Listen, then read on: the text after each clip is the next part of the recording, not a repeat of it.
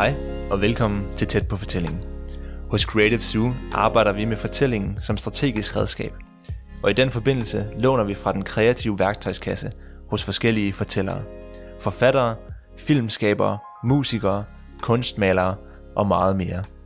I den her podcast zoomer vi ind på fortællingens univers, og vi snakker med en række forskellige formidlere, som har valgt hver deres medie og hver deres vej. Vores ønske, det er enkelt. Vi vil inspirere, uddanne og underholde dig, så du kan blive en endnu bedre fortæller i netop dit felt. Og når jeg, så selvfølgelig også tilfredsstille vores egen nysgerrighed. I dagens afsnit, der snakker vi med Ellen Ries, og Ellen hun er filmproducer og forstander på filmskolen European Film College. Ellen hun har blandt andet arbejdet som pressesekretær ved Nordisk Film. Hun har været producer for DeLuca Film, og hun har været underviser på MSP på VIA University. Derudover så ejer hun sit eget filmselskab, Basmati Film, og i sin hverdag der brænder hun virkelig for at understøtte og udvikle fremtidens talenter inden for filmverdenen. Og hun har bestemt en masse spændende på hjerte, når det gælder fortællinger.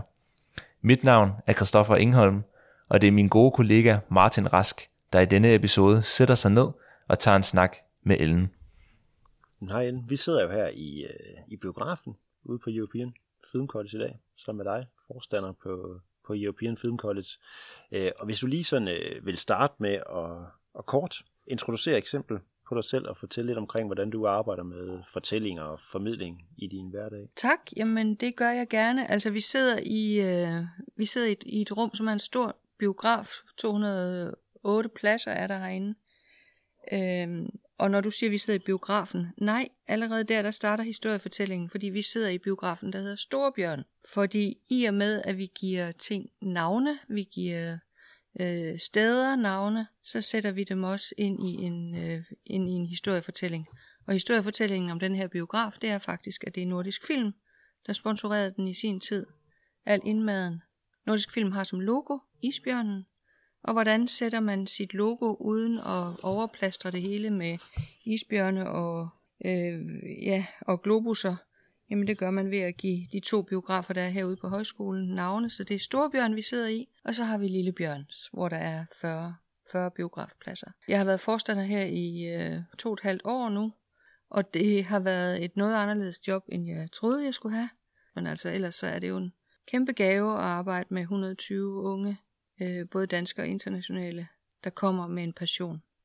Hvad tror du, det er ved filmmediet, der gør, at, øh, som du siger, I trækker jo studerende til fra hele verden? Det er et helt unikt sted. Det kan man både se ud for, det kan man se, når man kommer her.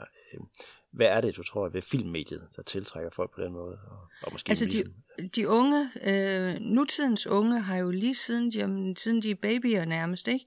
sidder de med en iPad og oplever øh, billeders betydning. Og de levende billeders betydning er, jamen, kan ikke, det, kan ikke, det kan ikke forklares, hvor stor de levende øh, billeders betydning er i dag, og det holder ikke op.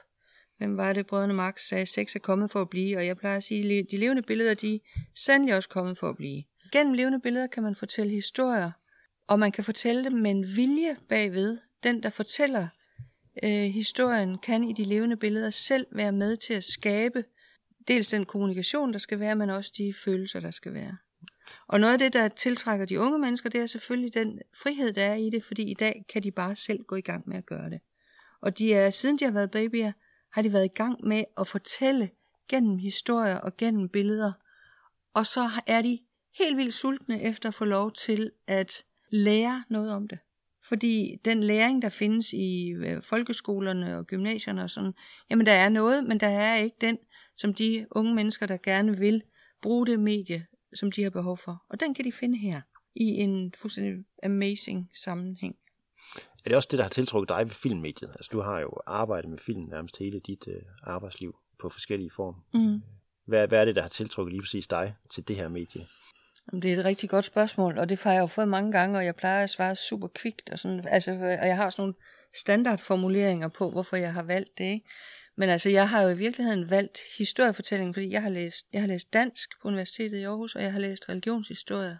Så jeg har valgt historiefortællingen som historiefortælling og som kunstart, og ikke som film.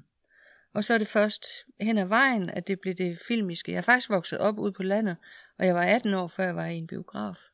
Og vi måtte ikke se fjernsyn derhjemme. Jeg havde meget strikse forældre. Så jeg, altså, så jeg er egentlig ikke vokset op i, det, i de billedende medier. Jeg er vokset op med, med den skrevne historie. Øh, altså det, der fascinerer mig i den, i den måde at kommunikere på, det er, at du kan nå et kollektiv, og at du kan kommunikere med følelser. Og det kan man sige, det kan man også, når jeg sidder og læser Kirsten Thorups nye roman lige nu. Så kan jeg også opleve nogle følelser, men når du kommunikerer på et stort lærred, eller på en skærm til en konference eller et eller andet, så oplever dem, der sidder og ser det, så har de en kollektiv oplevelse. Og det kan godt være, at vi hver især, du oplever noget, og jeg oplever noget, og det er forskelligt, men der er en referenceramme, når man så taler om det bagefter. Så kan man tale om nogle følelser. Musikkens betydning skal man heller ikke undervurdere. Altså billede og lyd er lige vigtigt. Øh, og følelserne, de følelser vi får, det er dem, der er vigtige. Hvad kendetegner sådan efter din opfattelse den, den gode fortælling på film? Det tror jeg, det kommer helt an på, hvem der oplever den. Jeg blev også spurgt i går, hvilken øh, film har betydet en forandring i dit liv. Vi har et sommerkursus, der hedder øh, Film, der har ændret dit liv. Og så røg det bare ud af munden på mig, jamen Per, der er ingen film, der har ændret mit liv. Det er mennesker og handlinger, der ændrer mit liv. Og så har jeg så stået så under bruseren i morges og tænkt, hmm, er det egentlig rigtigt? Jamen, jeg kan da godt komme i tanke om nogle film, der ændrer mit liv. Men hvad der kendetegner den gode fortælling, det er, at du kan identificere dig med noget. Dels så er det selvfølgelig inspirationen af, at man ser noget, man ellers ikke ville have oplevet. Parasite for eksempel, Oscar-vinderen fra i år. Der, der, der ser vi jo nogle fortællinger og nogle miljøer og nogle billeder, vi, vi ikke selv kunne forestille os. Og det gør vi jo i rigtig mange film, ser vi noget, vi ikke selv kunne forestille os. Dokumentargenrens styrke ved at lukke os ind i miljøer og virkeligheder, der findes. Men, men for mig, der er det, der tror jeg, der er det identifikationen, der er det vigtigste det er, at når du formidler, så er du som filmskaber, hvis du selv har en, en eller anden form for identifikation med det, du arbejder med, så tror jeg også på, at, jeg tror også på, at det rammer publikum. Altså jeg plejer at sige, at det lokale er også det globale. Det unikke er også det universelle. Hvis man finder den der unikke historie, så rammer man meget tit også noget, som er universelt og som rammer rigtig mange mennesker. Vil du have et eksempel? Meget gerne. Ja. Lige nu sidder vi og er ved at optage de 120 elever, der skal starte på højskolen til øh, august. Og de kommer fra hele verden, 23 forskellige lande, og super spændende, og de kommer med, som jeg plejer at sige, passioner og hormoner, og det er det, vi lever af. Ikke? Øhm, og der har vi så haft en, en ansøger, en, faktisk en syrisk flygtning, en ung kvinde, som har søgt gennem to år. Og sidste år så havde vi mulighed for, altså vi udvælger, hvem der skal komme, og selvfølgelig skal de komme i den rækkefølge, de har ansøgt, men vi kigger også på, at det her er det rigtige for dig. Og den her unge kvinde søgte sidste år, og der vurderede jeg, nej, det er ikke det rigtige for hende. Så søgte hun igen i år, og havde arbejdet med sin ansøgning. Og så tænkte jeg, jeg er simpelthen nødt til at møde hende, for at finde ud af, skal hun gå her. Jeg har ikke tid til at møde alle 120. Og så mødte vi hende forleden dag på terrassen herude, og øh, hun, jeg havde været bekymret for, hvordan skulle hun komme her. Hun bor i en fjern udørk i Danmark. Det er sådan en kvoteflygtning. Hvordan skulle hun komme her?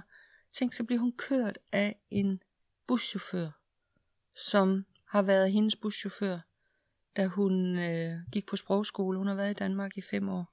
Og så kommer den her store buschauffør, store, tunge buschauffør, og har kørt sin veninde ven, jeg ved ikke, altså de, det, det var helt tydeligt, der var et meget venskabeligt forhold mellem dem. Så kører han hende 170 km i sin egen bil, for at hjælpe hende med at finde ud af, om hun skal gå på den her højskole. Vi var så begge to enige om, at hun skal ikke gå her. Det er der rigtig mange grunde til.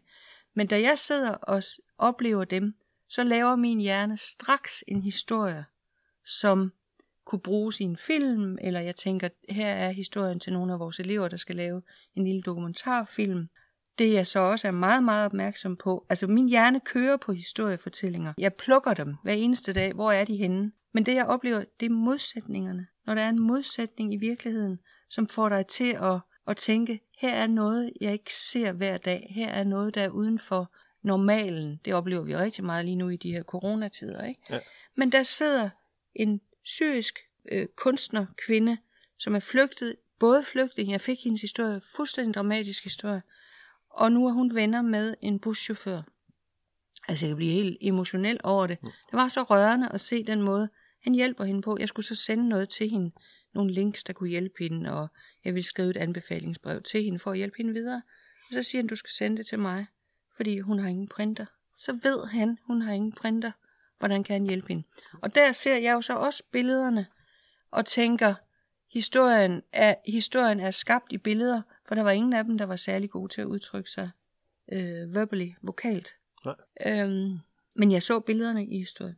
Ja. Så der er et eksempel på historiefortælling, som dumper ind til os, jamen, hele tiden. Jeg har undervist i historiefortælling, altså hvor kommer historierne fra, og der siger, at hvert enkelt menneske oplever seks overskrifter hver dag. Det er sådan en, du kender den sikkert også som journalist, ikke? Og hvordan man kan skærpe sin muskel for at finde historierne. Og det er den muskel, vi er med til at træne her på stedet. Sådan så de enkelte små filmskaber og store filmskaber indimellem træner deres evne til at se historierne og finde ud af, hvordan kan jeg fortælle dem, hvordan kan jeg identificere mig med dem, hvordan kan jeg bruge dem ud i forhold til et publikum. Nu, nu bruger jeg jo selvfølgelig snart et år på, på at lære folk at gøre det her rigtig godt, men altså, hvordan, hvad er det, hvis man sådan alligevel skal prøve at svare kort, der kendetegner den gode historie? Altså, den der er jo et fantastisk eksempel på en Mm. god historie. Der er modsætningerne, der er identifikationen, der Der er forskellige der, der, kulturer. Der, der, der er det helt store perspektiv, vi er Mm. oppe i, og så Mm. videre. Mm. Er det, altså, modsætninger er en af, er der, er der andre ting, man kan sige, man, man kigger efter og arbejder med, når man siger, at det der, det er en god historie? Altså kanter, modsætninger, identifikation. Og så hvis igen så det der med, jamen kan du gøre det universelt? Kan du tage, at din egen bygning den er ved at blive renoveret? Kan du gøre den universel i forhold til miljøproblemer for eksempel? Øh, så du kan, du kan også starte ude i det store, øh, og så sige, jamen jeg interesserer mig for klima, jeg vil gerne noget med klima. Hvordan får jeg det gjort identificerbart? Altså for mig, der tror jeg, der er det identifikationen, der er noget af det vigtigste. Og så selvfølgelig også fascinationen. Den, der kan fortælle med billeder og med farver, production design, klipperytme, framing, komposition i billederne. Dem, der kan det, kan også har, behersker den kunstart, som gør, at vi andre kan blive forført og kan blive optaget af noget, og vi kan blive rørt et sted, som vi ellers ikke bliver rørt. Så de gode historier, det er jo en ting i aviserne, og det er noget andet, når du sidder og læser fra øh, i et, i et blogindlæg. Og i vores øh, billedende medier, der er det jo, der plejer vi tit at sige, at der skal være en begyndelse og en midt og en slutning. Ellers er der ikke nogen historie. Og det kan man jo sige til rigtig mange journalister også, at det skulle der gerne være. Men I arbejder mere med nogle pyramidemodeller, ikke? Altså, men, men vi siger tit, at der er en begyndelse, en midt og en slutning. Og så er der nogle kloge mennesker, der siger, ja, men hvilken rækkefølge skal de komme i? ikke?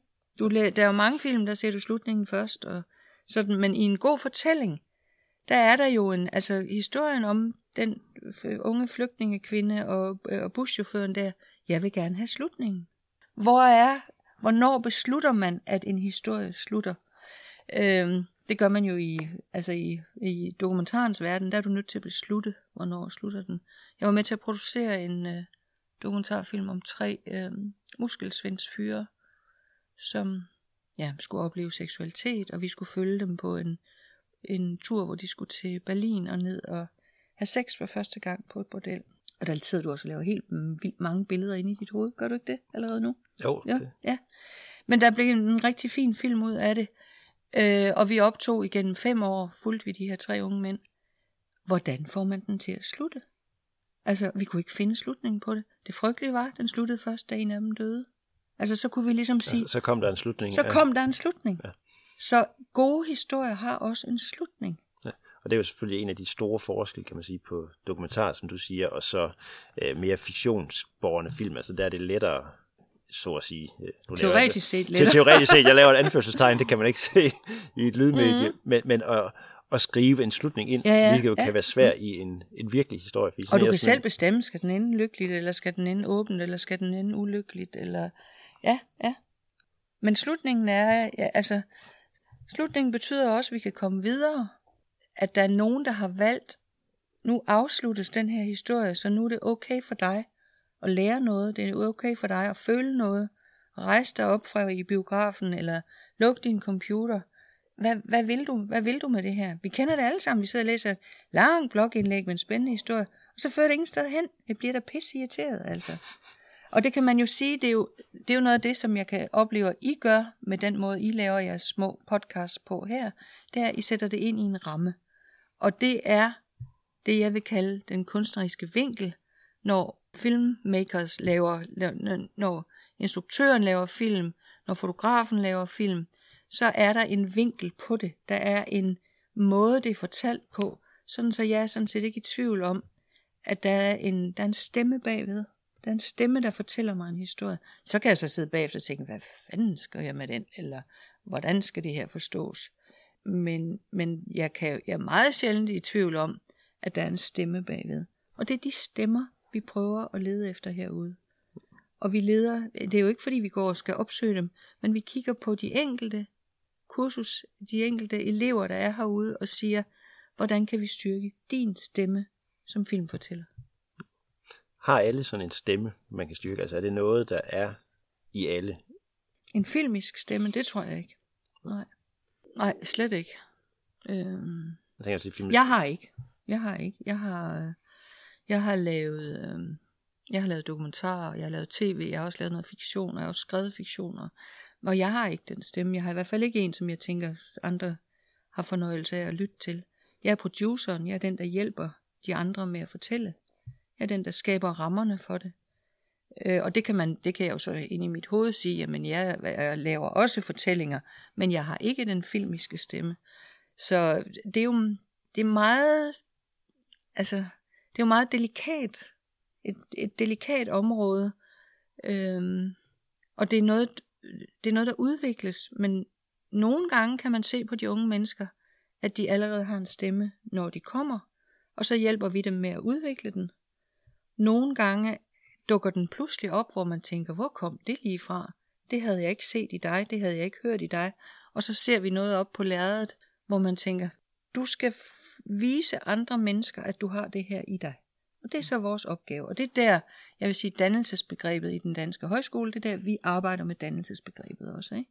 Historiefortællingens betydning for det enkelte menneske, i form af, hvad, hvilken historie har jeg om mig selv også som filmskaber. Så ja, nej, det er langt fra alle, der har den stemme, men jeg tror, at som mennesker har vi selvfølgelig hver vores stemme. At den, der, det er meget, nu taler vi om den der med identifikationen og den personlige, det der med, at det kan mærkes af personen, den personlighed, man har med sig ind i en historie. Men der er jo også øh, altså en målgruppe, et forståelse for omverdenen, eller er det langt hen ad vejen sådan, at hvis der er en historie, der berører dig som menneske, som du gerne vil formidle, jamen så vil den også påvirke andre, fordi vi mennesker trods alt er universelle. Det ved jeg ikke. Altså nu tror jeg, når jeg sidder og taler med øh, buschaufføren og, og den unge kvinde der forleden der ude på terrassen, så, så rammer det jo også mig et meget sårbart sted lige nu, fordi vi måtte sende 120 elever hjem for to måneder siden, og jeg ved, altså jeg har fået den der skæbne, skæbne fortælling, den har jeg fået meget stærkt ind i mit, ind i mit liv. Så den historie rammer mig. Jeg tror, vi, vi bliver ramt på forskellige strenge, afhængig af, hvor vi er henne. Og det er ikke det samme, der rammer os, og det er ikke det samme, vi kan identificere os med. Og Gud skal takke lov for det, altså. Men det er også derfor, det er så skønt, at der er så mange platforme, man kan opleve øh, historiefortællinger på. Identifikation, det her, det er jo super, øh, det er super individuelt. Hvis du laver en reklamefilm, så kan du gå ind og målrette den til, at du vil gerne ramme den og den målgruppe. Og det gør du sandsynligvis også, fordi du er fagligt dygtig. Men der vil også være nogen, der slet ikke bliver ramt af den. Når kunstnere laver film, og det er jo den genre, vi arbejder med her, øh, så er det jo mere et personligt udtryk. Og så er det igen, som jeg vil sige, så bliver det, øh, det unikke bliver meget tit det universelle i de små historier og i de store historier. Hvad, hvad er det for nogle fortællemæssige greb, man så også vil i der historien? Noget andet er jo så, øh, jeg mangler bedre over håndværket, altså det at fortælle filmmæssigt. Du nævnte før, der er noget med tempo, der er noget med rytme mm. i det hele og sådan noget. Så mm. hvad, er det, hvad er det for nogle greb, man bruger der, når man skal mm. formidle den gode historie? Altså, der er øh, lydsiden og musiksiden er næsten noget af det vigtigste. At man ikke kun tænker på billederne. At man selvfølgelig tænker på billederne på den måde. Altså, hvis man laver, skal lave en dokumentarfilm. Jeg skulle lave en dokumentarfilm på et tidspunkt om nogle østtyske flygtninge øh, i 1988, der besatte den danske ambassade. Øh, og der skulle vi jo finde nogen, der skulle fortælle den historie, og dem, der kunne fortælle historien, som havde været med til at opleve den, var ikke i stand til at fortælle den. Så hvis ikke du finder nogen, der kan fortælle, så, øh, så, så nytter det ikke, at du vil fortælle en historie gennem et, et bestemt medie. Så skal man sige, jamen så skal det være en visuel historie. Ikke? Og du arbejder med det visuelle, du arbejder med det auditive, du arbejder med klippe, øh, klipperytme, og så arbejder du med noget, som er helt vildt vigtigt, og jeg, der er sikkert rigtig mange mennesker, der ikke ved, hvad det betyder, men production design, hvordan ser det ud? De billeder, vi ser på skærmen i vores fjernsyn, på vores telefon, hvordan ser de ud? Hvad er farverne i dem? Hvad er teksturen i billederne? Hvad er, er det kantet? Er der arbejdet med kanter? Er der arbejdet med særlige dybder? Er der arbejdet med skygger? Og, og hvis først man får lukket sine sanser op for det, og ved, at der på alle spillefilm er der arbejdet med production design, så kan man pludselig begynde at se et helt nyt lag i film, hvor man tænker, der er nogen, der har villet fortælle mig noget gennem den måde, billederne og farverne og teksturen spiller sammen på. Altså det er et af de mest oplagte eksempler, hvis man gerne vil øve sig lidt i det, det er at se den der Amélie fra Montmartre. Der er der arbejdet med især to farver, der er arbejdet med, med grønt og rødt og så indimellem kommer der en blå farve ind i billedet. Og hvis man først begynder at blive opmærksom på det, så får man simpelthen nogle helt nye dimensioner i historiefortællingen. Så hvis jeg skal ligesom sige noget, som mange mennesker ikke kender til, så er det, prøv at arbejde med production design. Arbejde med, hvordan farver og kanter og øh, teksturer følelser, øh, altså de, de, de visuelle følelser i billederne, hvordan man arbejder med dem. Og det er jo en fordyr, det er et fordyrende led, fordi det er øh, en, øh, en ekstra kvalifikation, der skal, der skal puttes ind i crewet. Men det er, det er meget tydeligt, når der er arbejdet med production design. Det spændende er, at man kan også arbejde med production design i dokumentarfilm. Så mm. selvom jeg siger, at nu vil jeg tage ind til Sisu og lave et portræt af en travl dag på et, øh, øh et, et kreativt bureau, og så siger jeg, okay, jamen jeg går jo ind, og jeg kigger på, jamen I har, I har den og den indretning, I har, øh, I ser sådan og sådan ud i jeres tøj, der er de og de mennesker, der er en virkelighed, som jeg forholder mig til. Så den måde, jeg placerer kameraet på, der kan jeg jo vælge at sige, jamen i alle mine billeder, der vælger jeg, at der skal der være en, et vindue, der står åbent, for eksempel. Eller en dør, eller der skal være en bestemt kant. Alle ansigter skal placeres op ad en kant. Og der er aldrig nogen, der siger noget om det men nogen har haft en vilje bag ved det. Og det at have en vilje bag ved historiefortællingen er, jamen det er et tegn på kvalitet, og det er et tegn på kunstnerisk indsigt og kunstnerisk vilje. Altså i virkeligheden så historiefortælling er ikke bare at være et, et spejl af, hvad der sker. Det er i virkeligheden også at give det en form for altså, sin egen bearbejdning for at fortælle historien. Altså ja, for, i dit for, sprog, for, for, der vil man kalde det en vinkling. Ikke? Ja, en, at man en, vinkler, en vinkling for at få den historie ja, frem, som ja, er den, man... Ja. Og man hvordan mener, vinkler du det? Hvordan vinkler du det visuelt? Hvordan vinkler du det med musik? Hvordan vinkler, vinkler du det med lydmix? I har jo haft studerende, og for den sags skyld artists and residence, undervisere osv. fra det meste af verden efterhånden. Er der forskel på, hvad der kendetegner den gode fortælling? Sådan rundt om i verden, eller er der også der noget universelt, som er et ord, vi har brugt nogle gange? Ja, det er sjovt. Altså, jamen jeg, jeg tænker, man kan jo blive forundret over, at der kommer en ung kvinde fra Azerbaijan, og pludselig vil placere en sofa og en lampe og to rødhårede identiske tvillinge islændinge, som vi havde her, dem vil hun placere ude i vores dal her, ude i istidslandskabet. Altså, hvor, kom, hvor kommer det fra? At der kommer en ung kvinde fra Azerbaijan og ser det for sig. At de to rødhårede fyre skal sidde ude i den sofa, ude i det landskab. Og der vil jeg sige, kunne en, kunne en pige, der er opvokset i et øh, øh, middelklasse hjem i Silkeborg, en anden af vores elever, kunne hun have lavet den historie? Det kunne hun måske godt. Men vi oplever jo, at, at eleverne kommer med hver deres baggrund, og dermed også fortolker den virkelighed, øh, som de oplever her, og har øje for nogle bestemte ting. Altså de ting, vi ser som selvfølgelige her i vores samfund, ser øh, en elev fra Kina eller en elev fra Japan slet ikke som selvfølgelig. Så de har øje, deres øje, deres øjne ser nogle andre historier. Og det der, det antropologiske kan blive virkelig spændende, fordi det at blive set på af nogle andre mennesker, gør også, at man selv får øje på nogle andre ting.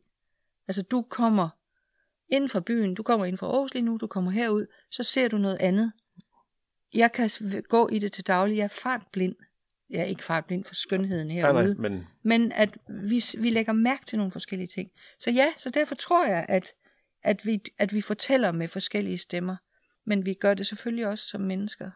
Men når vi har fra 23 forskellige øh, lande her, så kan man jo føle sig som jordens mest privilegerede individ, at man får alle de stimuli fra øh, alle de kulturer, de vælter bare ind over os, og det bliver en stor vidunderlig suppe herude i vores dining hall, ikke? når de kvider og når de snakker, og vi snakker alle sammen engelsk til daglig, vi, snakker, vi taler kun engelsk, på hver vores lidt sjove måde. Ikke? Så den, den suppe, den, øh, den kakofoni af stemmer, den afspejler også alle de forskellige kulturer, de kommer fra. Og derfor tror jeg også, udtrykkene bliver forskellige. Ja, modet er også forskelligt. Ja. Men det er klart, der ligger selvfølgelig noget i kultur og baggrund, og den der med at se ting med, med nye øjne og anderledes øjne. Nu har jeg selv, øh, jeg har arbejdet på Journalisthøjskolen, hvor man jo også kan se eksempelvis de fotojournaliststuderende, øh, tager jo også tit ud i verden. Altså, det er mm. også den der med at komme ud, og de ser ting og dokumentere det med deres kamera, mm. som jo selvom det også er realisme, jo også er en Hvorfor skal de tage til Afrika for at fortælle en historie? Det kan man jo spørge sig om. Det, det er jo det, man kan spørge. Det skal de. Ja. ja. ja. Øh, og der er jo netop det der med at få nye øjne. Altså, de kommer med nye øjne ind i en mm. kultur og ser mm. det på en anden måde, end dem, der har ja. boet der hele tiden. Man hæfter sig ved noget andet, når man er et sted. Ja. Altså det nye er jo, at der er i den her meget politisk korrekte tid, vi lever i, der er det nye jo, at det er kun dem, der er selv inde i det, der må fortælle om det. Jannik Spidsbol, en instruktør, som jeg har arbejdet sammen med på et tidspunkt, han tog til Australien og lavede en film om aboriginals derovre, og han fik vældig på hatten for det. Hvad skulle en hvid europæer til Australien og fortælle nogle andre menneskers historie? Og altså, at det var, det er simpelthen forkert. Han tager den erfaring væk fra aboriginerne, som de, som de havde. Der kom super spændende diskussion ud af det, men det er selvfølgelig hårdt for ham og hans film, fordi den også fik det svært på nogle festivaler og sådan. Men den, det rejser jo en diskussion. Er det kun øh, transgender mennesker, der kan fortælle om transgender øh, erfaringer? Er det kun kvinder, der kan fortælle om kvinders erfaringer? Det viser litteraturen også jo, at det er det ikke. Men, men det er nogle diskussioner, som dukker op lige nu, som er ja, som er super vigtige. Ikke? Super, og i hvert fald udfordrende. Ja. Super vigtigt og super interessant at bare have den der. Altså. Ja, og super interessant for mig. Jeg bliver 64 her lige om lidt, og ligesom anerkende, jamen der kommer altså en ung generation, som kigger på tingene på en anden måde, end jeg gjorde, og jeg skal bare ikke tro, jeg har ret. Altså, jeg får det jo smasket i hovedet hele tiden. Ikke? Når de kommer der og er et køn, man ikke kan bestemme, og jeg står og tænker, ah, skulle det nu være så vigtigt? Ja, nu prøver jeg altså at lytte. Det er vigtigt. Og det er mig, der skal til at omstrukturere nogle ting i min hjerne og i min optik, den måde jeg ser verden på, den bliver, den bliver udfordret nu her øh, af nogle forskellige jamen, politiske, øh, kønsmæssige, øh, miljømæssige vinkler på tilværelsen. Ikke? Altså jeg vil sige, især det seksualitet og køn oplever vi her som også sådan som en, som en, en inspiration til, til historiefortælling. Ikke? Og det er virkelig også der, hvor man kan sige, at den gode fortælling, den gode film også nogle gange er med til, altså, nu nævner Jannik Spidsbol jo i virkeligheden også, altså, at man nu åbner for det, en film kan give i forhold til at sige, at det er den anden persons vinkel på det her, altså, mm. som også er med til at åbne mm. ens egne. Mm. Altså det har vi jo oplevet tit i Danmark, synes jeg, når vi har sådan haft en øh, japansk forsker, der har været i Danmark i tre år og jagtet vores børns sovevaner. Det kan jeg huske, det var der en forsker på et tidspunkt, der studerede danske børns sovevaner. og det, altså, det at se det udefra, der kommer nogle mennesker og ser vores virkelighed udefra, lukker vores øjne op for dels hvordan virkeligheden er, men også hvordan den måske kunne være. At, hvad, hvad kan vi ændre, og hvorfor gør vi det sådan, som vi gør? Så bliver vi klogere og sjovere, tror jeg. Du nævnte det her med, at mange af de unge, der kommer i dag, er jo vokset op med filmmediet. Altså, de ja. er vokset op med, at det er nemt at lave filmmediet. Men samtidig er når man så går over og taler øh, production design, man taler lyd og sådan noget, så går det jo fra at være enkeltmands nemt på en mm. mobiltelefon til at være et, et teamarbejde. Altså. Ja. Så jeg tror virkelig, at mit spørgsmål lidt den der med, jamen, altså, hvad er det egentlig samspillet betyder, når man laver film, og hvordan holder man, gør man i forhold til sin, det der med at sige, at man har sin egen stemme, mm. men man er også afhængig af, at der er andre med mm. til at formidle den stemme. Det er rigtig, rigtig svært at lave film. Altså, det kan jeg kun sige igen og igen. Og lige så meget jeg opmuntrer de unge til at sige, at det er nemt at lave film, lige så svært ved jeg også, det er, når det skal fungere, og det skal være godt, og lige så svært og lige så dyrt er det. Øhm, og at få, en, få et helt crew til at være enige. Altså, det er nemt at være et one-man band, at være en ung fyr, der er opvokset med et kamera, det er nærmest klistret på hænderne. Jeg ved ikke, hvor mange ansøgninger jeg har fået, lige siden jeg som 8-årig fik mit første kamera af min far, bla bla bla. Lige siden jeg lærte at lave stop motion med Lego. At de, de er opvokset med det, men det er et enpersoners projekt, som ligesom har sin egen rækkevidde. Det kan det, det kan. Men hvis du vil fortælle de store historier med de store billeder, øh, med den store production value, så er du nødt til at arbejde sammen i et crew. Og det er jo tit, altså i Danmark, der er holdene omkring 30, 30 ikke? i USA og i andre, de, de, på de kæmpe store produktioner, der er du jo op på 100, 100, 200 mennesker. Ikke? Så det at, være, det at arbejde sammen i et, øh, i, et, i et crew, er jo en, det er en metodik, man kan lære. Og man kan lære den, fordi vi er professionelle, så vi ved, hvad hver enkelt funktion på holdet, vi ved, hvad de laver, og de ved selv, hvad de laver. Så derfor forventer vi også, at de skal lave det, som de er sat i verden for at lave.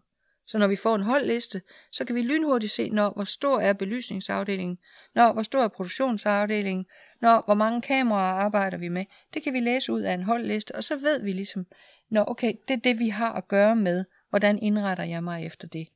Men altså instruktører, nu taler vi spillefilm, ikke? Instruktør, øh, fotograf, production design, lyddesigner og så selvfølgelig baseret på et manuskript.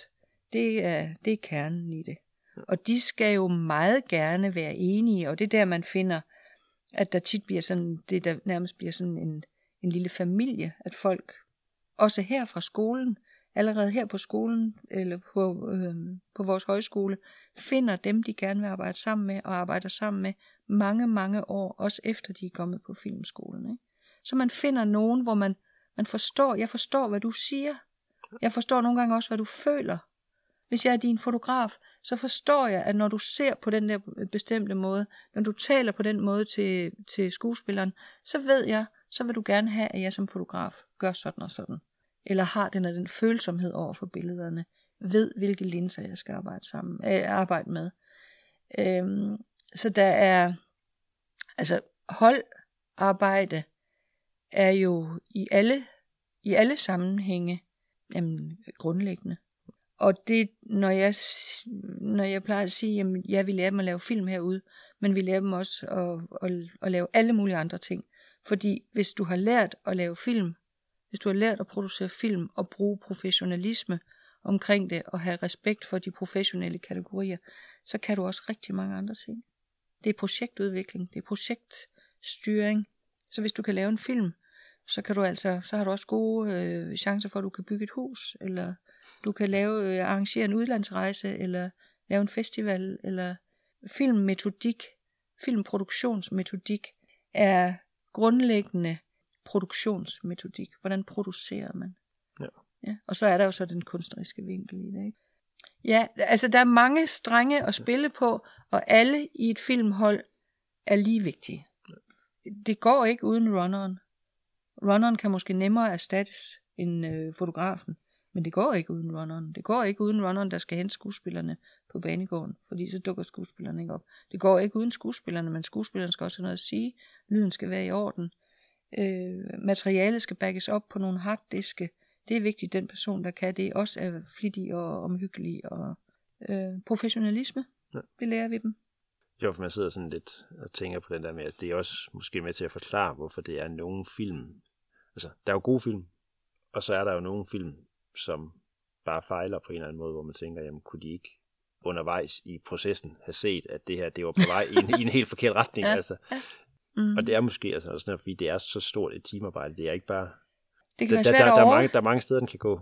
Ja, Okay. og det kan være svært at overskue. Altså fordi det, det findes jo ikke, når vi starter. Så, så findes der ingenting. Så findes der en idé i nogle menneskers hoved, eller i et menneskes hoved. Der findes måske et billede. Øh, Flynor Palmerson, som lavede den film, der hed Vinterbrødre, han fortæller, at der er et billede, der inspirerer ham. Og så udvikler han sin historie derfra. Så, hvis, så vi starter med ingenting. Øh, og når vi er færdige, jamen, så er der noget. Og det noget, det er noget, der er oppe på en skærm. Hvad enten det er her i biografen, eller det er på mobiltelefon, eller hvor, hvor det nu er henne. Så, så findes der noget, som nogle andre mennesker kan forholde sig til. Og det, den skabelsesproces, den er jo ikke unik. Det er der også, når du skal lave en artikel. Når- Hvis du som journalist skal skrive en artikel, så findes den ikke, når du starter. Og når du er færdig, så findes den.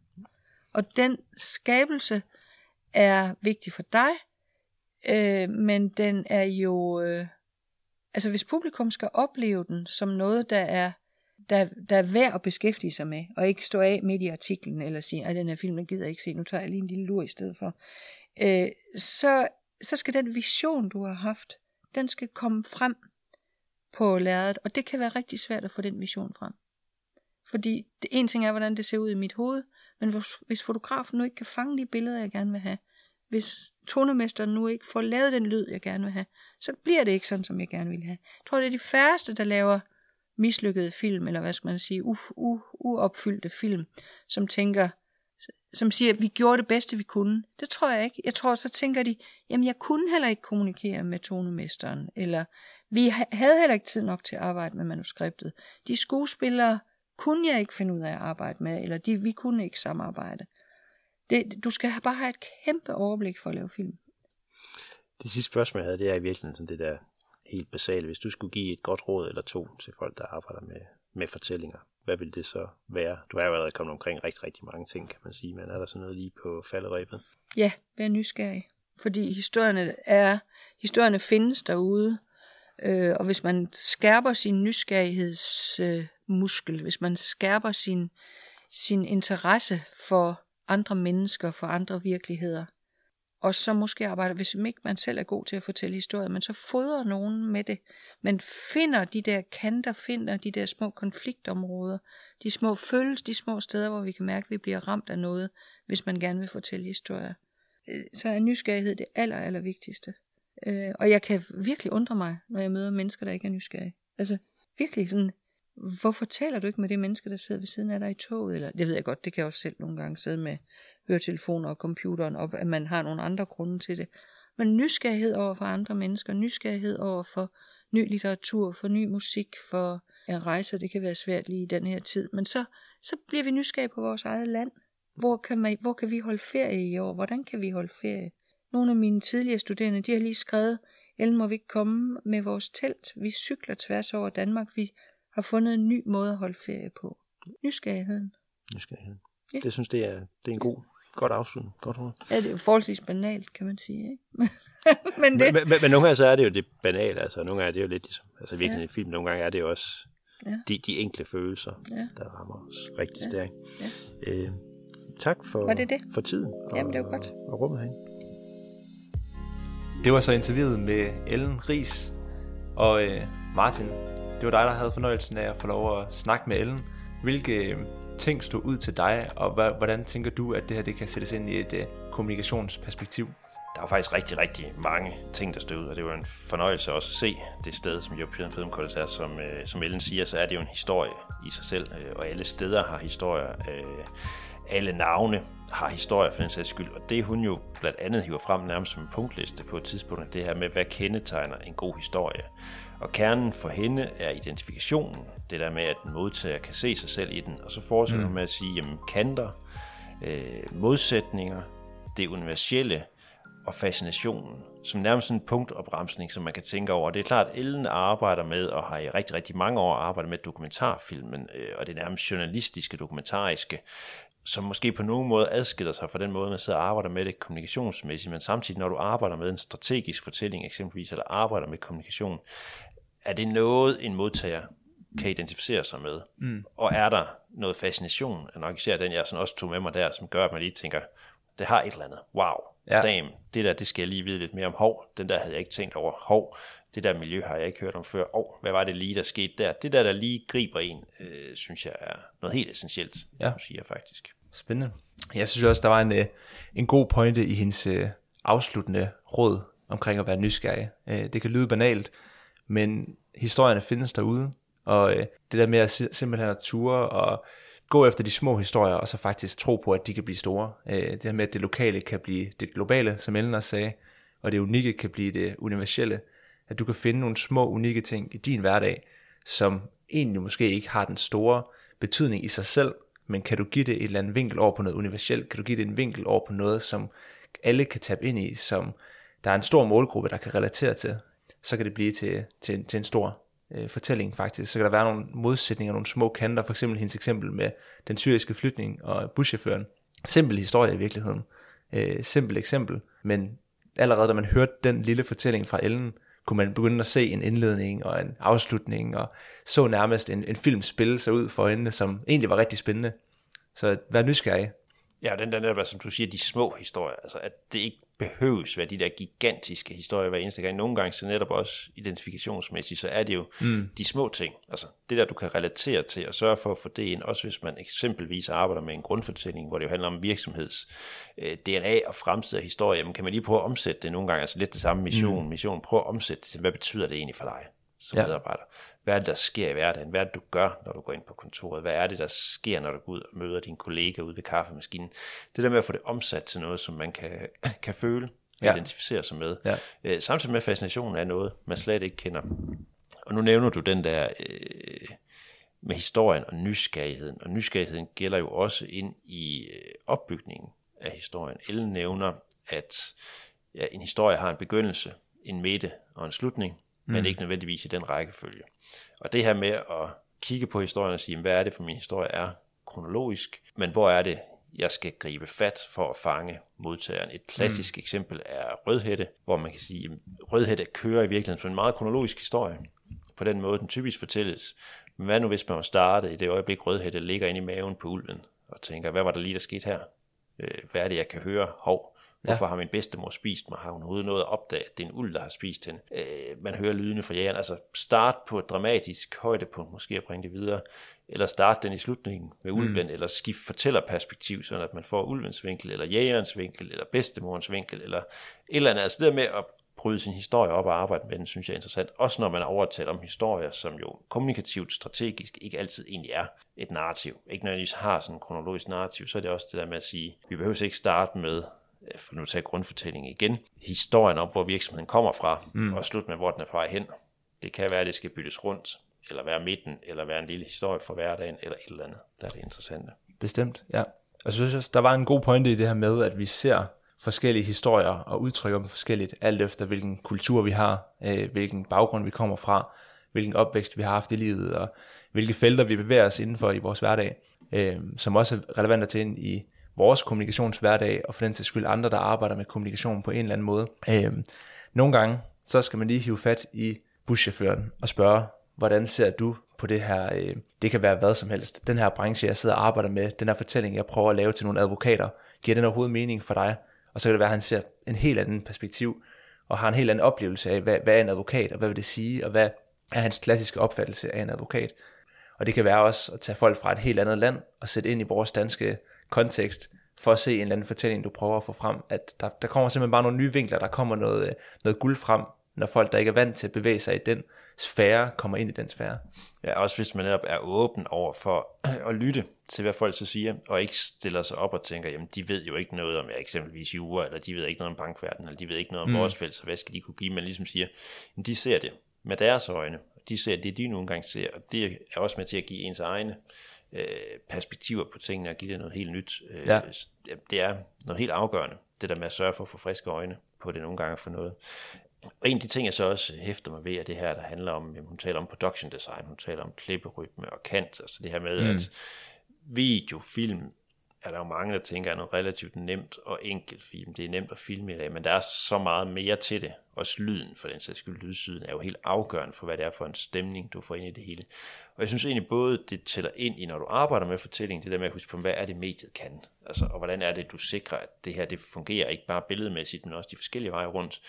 Men også, hvordan er det så, når du skal præsentere en fortælling, øh, også internt. Det klassiske er jo, at man laver et eller andet strategisk dokument, så bliver det et uh, Word-dokument, uh, Times New Roman størrelse 12, mm. og så printer man det ud og sender det måske endda på forhånd, men det kan jo godt være, at det skal sættes op på en pæn måde. Det kan være, at det skal have noget grafisk, det kan være, at det skal læses mm. op første gang, man præsenterer det for folk.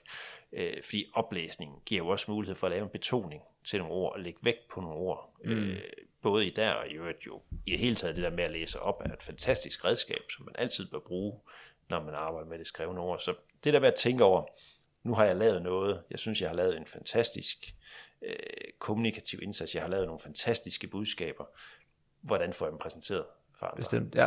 Øh, er jo helt afgørende ja. i hele processen. Også fordi, at det kan også, hvis du laver en annoncekampagne, og du har op i dit hoved klart billede af, hvordan skal en annonce se ud, men hvis du forsøger at få godkendt en sætning, som du har skrevet i et Word-dokument, som folk jo ikke mm. kan se bragt ind i den grafiske kontekst, du har tænkt den i, eller det medie, du har tænkt det i, så kan det bare være enormt svært for folk mm. øh, at forholde sig til det. Altså, folks mm. abstraktionsniveau er ikke altid lige så stort, og i øvrigt så ens egen evne til at formidle ens egne tanker, øh, skal man altid huske på. Folk kan ikke ja. se eller læse det, du har inde i dit eget hoved. Så tænk over præsentationen af det fantastiske arbejde, du formentlig har lavet. Ja, bestemt. Ja, førstehånd, førstehåndsindtrykket, det spiller jo en enorm rolle i sådan noget der. Og du og jeg, vi kender det jo rigtig godt også fra, hvis du skal overlevere for eksempel budskaber og tekst, du har skrevet til en hjemmeside til en kunde. Og første gang de ser det, hvis de bare ser et Word-dokument, som du siger, med teksten, der står helt plant der, det ser ikke spændende ud, det giver ikke mening. Hvorfor skal den der boks være derovre? Hvorfor skal den der være der? Hvad skal, hvor, hvad, det der citat der, det står lidt mærkeligt der og sådan noget. Men har de set det blive præsenteret i en visuel kontekst, og blive sat grafisk op, og der bliver, bliver lavet en, en ramme omkring det, og nogle, nogle, nogle, nogle ting, som ligesom giver det her bedre øh, visuelle overblik og forståelse for, hvordan kan det rent faktisk se ud, når det så kommer op på en hjemmeside og bliver blæst op på forskellige måder. Øh, så bliver det modtaget på en helt anden måde. Så utrolig vigtigt. Helt ja. rigtigt. Jamen, øh, andre pointer, du lige vil vende, før vi afslutter? Nej, det synes jeg ikke. Jeg synes, øh, Ellens afsluttende pointe, som du også hæver frem som en af de første, ja. er med at være nysgerrig. Altså, både øh, på historierne, men også på, hvordan man formidler historierne, er jo en, en kerne ja. i det her, det synes jeg. Bestemt. Det lader vi være den afsluttende kommentar herfra, og øh, det var alt fra dagens episode i Tæt på fortællingen. Tak fordi I lyttede med. Vi håber, I fik noget rigtig godt ud af at lytte med denne gang.